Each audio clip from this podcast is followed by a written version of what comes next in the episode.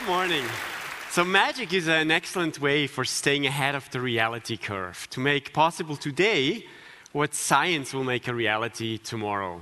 As a cyber magician, I combine elements of illusion and science to give us a feel of how future technologies might be experienced. You've probably all heard of Google's Project Glass. It's new technology. You look through them, and the world you see is augmented with data names of places, monuments, buildings, maybe one day even the names of the strangers that pass you on the street. So these are my illusion glasses. They're a little bigger, they're a prototype. and uh, when you look through them, you get a glimpse into the mind of the cyber illusionist. Let me show you what I mean. All we need is a playing card. Any card will do like this. And uh, let me mark it so we can recognize it when we see it again. All right, very significant mark. And let's put it back into the deck, somewhere in the middle. And let's get started. System ready. Acquiring image. For those of you who don't play cards, a deck of cards is made up of four different suits hearts, clubs, diamonds, and spades. The cards are amongst the oldest of symbols and have been interpreted in many different ways. Now, some say that the four suits represent the four seasons.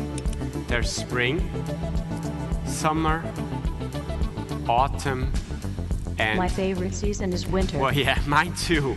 Winter is like magic. It's a time of change when warmth turns to cold, water turns to snow, and then it all disappears.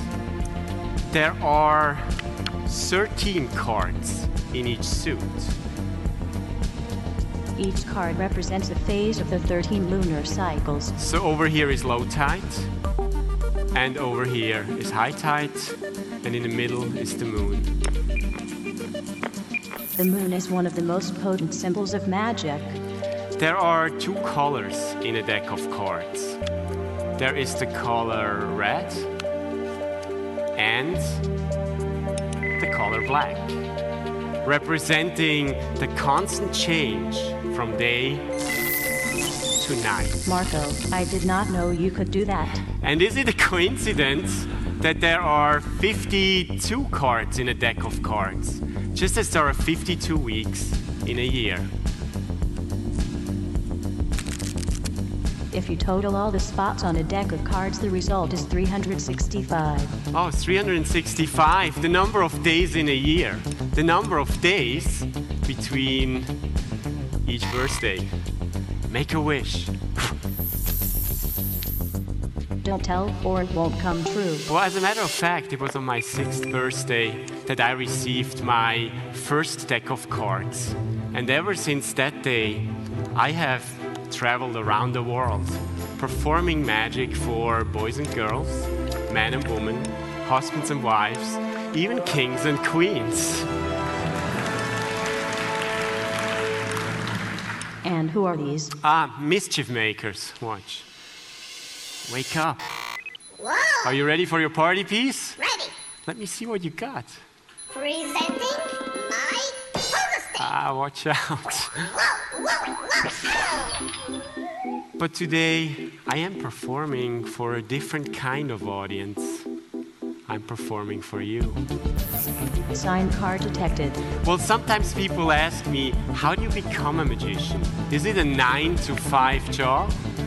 Of course not. You got to practice 24 7. I don't literally mean 24 hours, seven days a week. 24 7 is a little bit of an exaggeration. But it does take practice.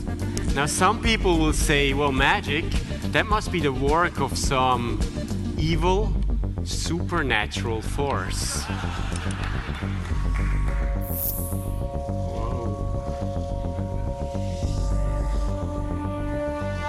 Well, to this, I just say no, no. Actually, in German, it's nein, nein.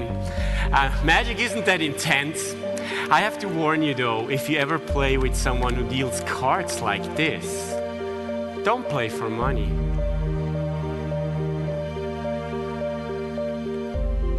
Why not? That's a very good hand. The odds of getting it are 4,165 to 1. Yeah, but I guess my hand is better. We beat the odds. I think you got your birthday wish. And that actually leaves me with the last and most important card of all. The one with this very significant mark on it. And unlike anything else we've just seen, virtual or not, this is without a question the real thing.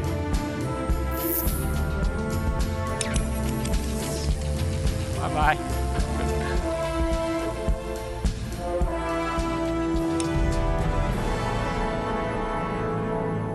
Thank you.